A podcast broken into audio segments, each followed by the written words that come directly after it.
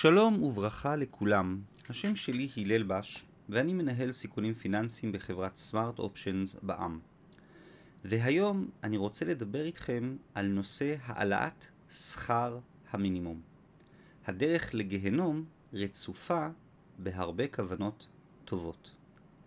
מה המשמעות של העלאת שכר המינימום? מדוע יש לו כל כך הרבה תומכים? איך זה קשור להשקפת העולם הנאו-מרקסיסטית? מהם הכשלים המרכזיים של שכר המינימום, וכיצד ניתן באמת לקדם שוויון ותמיכה במיעוטי יכולת. מחשבות טובות פוליטיקאים רבים בישראל ובחו"ל מקדמים בימים אלו חקיקה אגרסיבית במטרה להעלות את שכר המינימום. על פני השטח, ברמה הרדודה ביותר, מדובר על מטרה אצילית שיש לה הרבה תועלת, ולכן היא זוכה לתמיכה ציבורית רחבה. התומכים ברעיון נשמעים מאוד רגישים למצוקות החברתיות של בני המעמד הנמוך ביותר בפירמידה הכלכלית המודרנית, והם מבטאים דאגה כנה ואמיתית לבעלי ההכנסות הנמוכות. עולם שוויוני יותר הרעיון שבבסיס שכר מינימום קשיח הינו חלוקה צודקת יותר של המשאבים הכלכליים במשק. המצדדים בהעלאת שכר המינימום עומדים לצד העובד הקטן, החלש והעני, אל מול הגוליית הקפיטליסטי, המעסיק תאב הבצע, העושק את עובדיו ונהנה מרווחיות עצומה. לטענתם, שכר המינימום גבוה יותר יגדיל את ההכנסות של מיעוטי היכולת על חשבון בעלי העסקים הנהנים מנתח רווחים גדול ומוגזם. כמו רובין הוד המודרני, הם רוצים למסות את העשירים ולחלק מחדש את הכסף לעניים. התמיכה הציבורית הרחבה נותנת להם רוח גבית שמקדמת חקיקה נמרצת, וכל פוליטיקאי כיום מנסה לצבור הון פוליטי על ידי הצעה חדשה וגבוהה יותר לשכר מינימום אה, קשיח. הבעיה היא שלמרות כל המחשבות הטובות, פוליטיקאים אלו והתומכים בהם עושים לצערנו יותר נזק כלכלי מתועלת, ולמרבה ההפתעה הם פוגעים דווקא ובעיקר באוכלוסיות הנחשלות עליהם הם מבקשים להגן.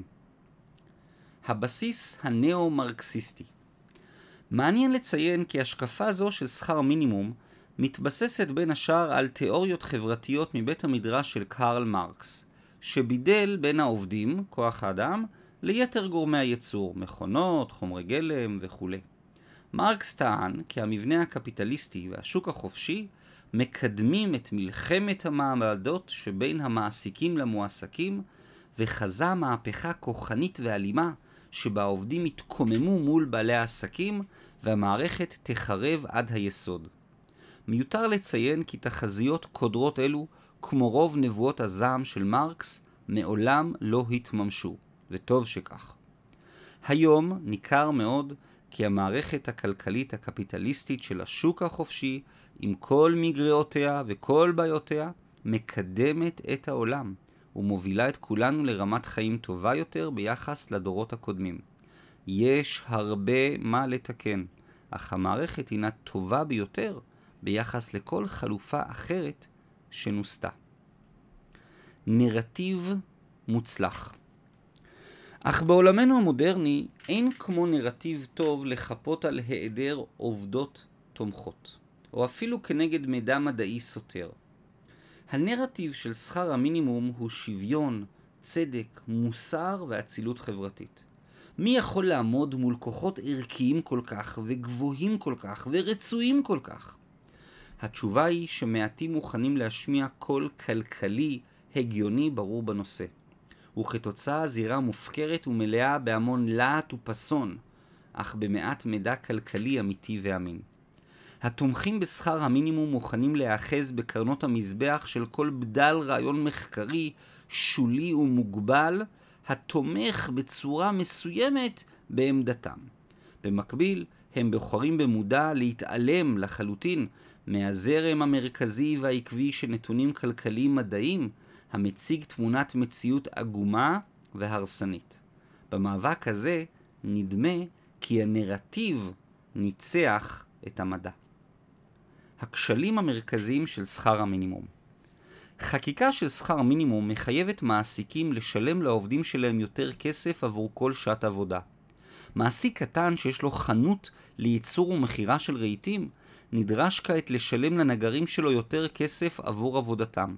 כתוצאה נתח הרווחים של העסק הולך ונשחק נוכח המס החדש שהוטל עליו, שכר המינימום. אז מה הבעיה?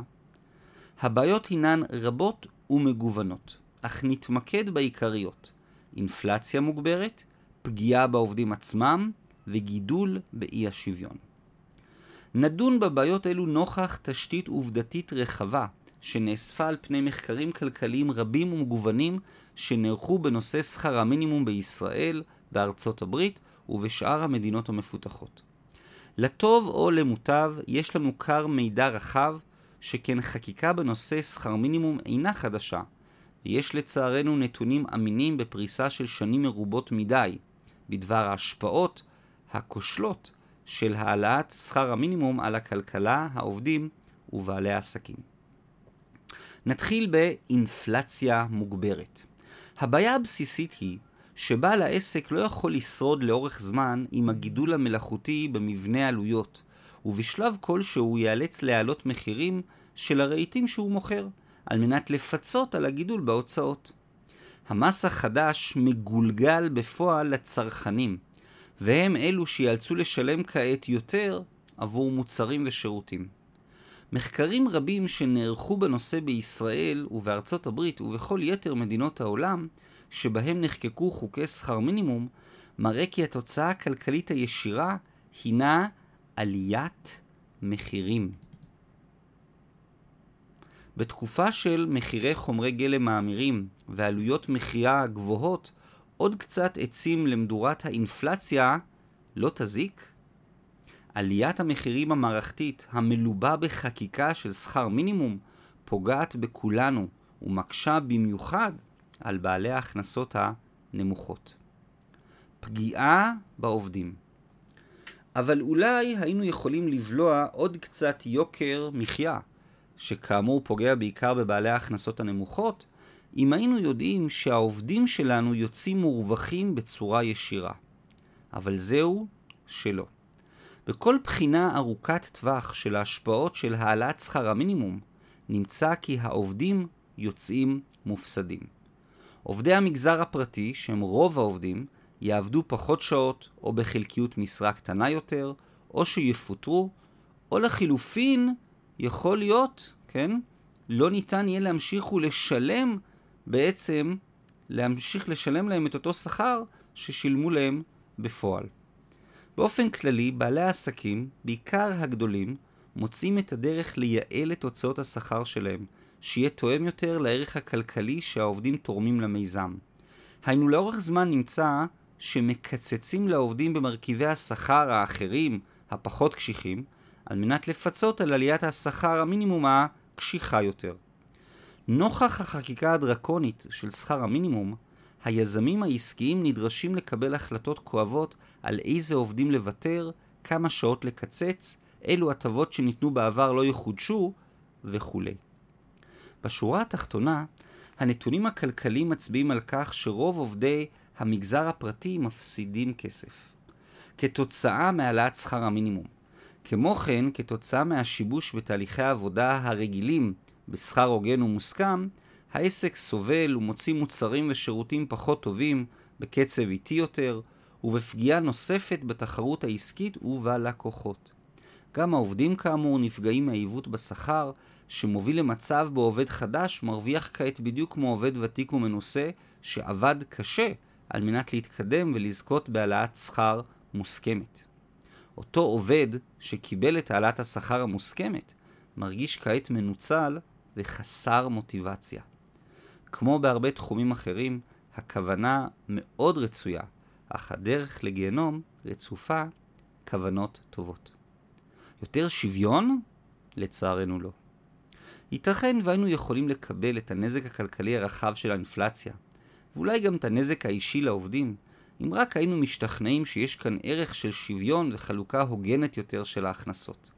נניח לרגע בצד את הדיון החשוב מהי החלוקה ההוגנת של ההכנסות, ונקבל את ההגדרה המקובלת, הגורסת, כי צדק חלוקתי מיושם היטב אם הפערים בין הקבוצות השונות באוכלוסייה ברמות הכנסה הולכות וקטנות.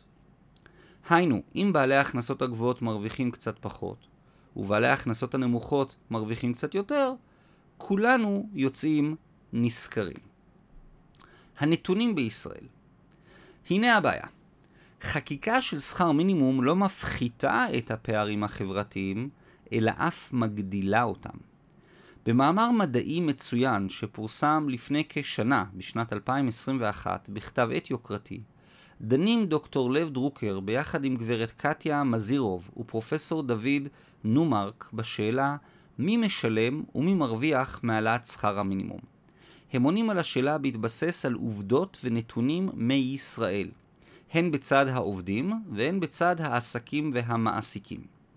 הממצאים שלהם מגלים, כמו מחקרים מקיפים רבים בישראל ובעולם, כי חלוקת ההכנסות בעקבות החקיקה של שכר המינימום הינה פחות שוויונית. הסיבה נעוצה בכך שהעלות הנוספת של שכר המינימום המחודש נופל בעיקר על בעלי עסקים קטנים ובינוניים שאינם יכולים להרשות לעצמם, או אינם מסוגלים נפשית וערכית, לפגוע בשכר או בתנאים של העובדים הוותיקים שלהם.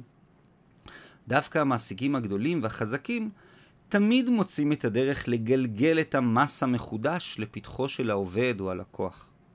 בעל הנגריה בדוגמה שלנו צריך כל שעה, כן? בעלי הנגריה בדוגמה שלנו צריכים כל שעה של העובדים שלהם, ומעריכים את ניסיונם והשקעתם של העובדים. לכן הם סופגים את המס של שכר המינימום, והכנסתם, שהייתה די דלה מלכתחילה, מתדלדלת אף יותר ויורדת. ייתכן והם אפילו ייאלצו לסגור את העסק ולפטר את כולם. זה לא נרטיב מושך וכיף, אבל אלו עובדות כלכליות המגובות במחקרים פתוחים ושקופים לכל. נאחזים בקש? אם ברור, אם ברור שחקיקה שמעלה את שכר המינימום פוגעת בצרכנים, מגבירה את האינפלציה, פוגעת בעובדים, כי יש להם פחות שעות, פחות משרות, פחות גמישות תעסוקתית ופחות תנאים נלווים, ומגדילה, ומגדילה את אי השוויון, פוגעת בעיקר בבעלי העסקים הקטנים והבינוניים, מדוע יש לה אהדה גדולה כל כך? כי היא פופוליסטית וזולה. אין לה עלות ישירה למדינה. כל העלות המיידית מועמסת באופן שרירותי על כל המעסיקים במקביל, גדולים כקטנים. והיא מניחה שהעובדים ככלל הם אוכלוסייה נחשלת ונבערת הדורשת הגנות מיוחדות. אין דבר מקומם יותר מהנחה ילדותית זו של האצילים החכמים, המנסים לגאול את הילידים הטיפשים מההחלטות שלהם עצמם. עדיף אולי לחפש נרטיב מחזק ומעצים, עם יותר שייכות וחיבור, ופחות ניכור והקצנה. כאמור, התומכים בשכר המינימום לא יכולים להגן על עמדתם בעזרת מחקרים מדעיים ונתונים אמינים, ונדרשים בעיקר לסיפורים שונים ומשונים. אז מה צריך לעשות? קודם כל, סור מרע, do no evil, להפסיק עם החקיקה ההרסנית של שכר מינימום. זה לא עובד ורק פוגע. מה כן? ראוי לנסות ולשפר את חלוקת ההכנסות ולתמוך בבעלי ההכנסות הנמוכות בצורות ישירות יותר, שמעודדות יזמות ויצרנות, שנותנות תמריץ ליציאה לעבודה ולתרומה ממשית לעסקים ולמשק. יש מגוון של כלים הרבה יותר טובים משכר מינימום שיכולים לקדם מטרות אלו עם פגיעה מוגבלת יותר בכלכלה. כלים אלו דורשים מהפוליטיקאים הפופוליסטים שלנו לחשוב קצת יותר, להתעמק בנתונים הרבה יותר ולעסוק בנרטיבים כושלים קצת פחות. המציאות חזקה יותר מהנרטיב המעוות. ברוב ענפי המשק, ובמיוחד כיום בעידן הפוסט-קורונה, יש מצוקת עובדים ממשית. במצב שנוצר, רוב העובדים יכולים וצריכים לנהל משא ומתן ממשי עם המעסיקים שלהם ולקבל שכר הגון, המבטא במידה טובה את התרומה שלהם להצלחת העסק בשוק החופשי. העובד והמעביד מוצאים את המשוואה המוסכמת שבה כולם מרוויחים. זה לא תיאוריה, זה עובד ועובד טוב. דווקא באותם תחומים שבהם אין התערבות ממשלתית וחקיקתית. נכון הדבר שישנם בעיות גם בשוק העבודה החופשי, וצריך לטפל בבעיות אלו בצורה נקודתית ומדודה. אבל לא צריך לשפוך את האמבט עם התינוק. שכר המינימום פוגע בלקוחות, בעובדים ובשוויון. הגיע הזמן לזנוח את הנרטיב הפרחוני והיפה ולהתחיל לקבל החלטות המבוססות על נתונים ועובדות. אני מאוד מודה לכם על ההקשבה ומקווה לראותכם בפרק הבא. תודה רבה רבה והמשך יום נעים. להתראות.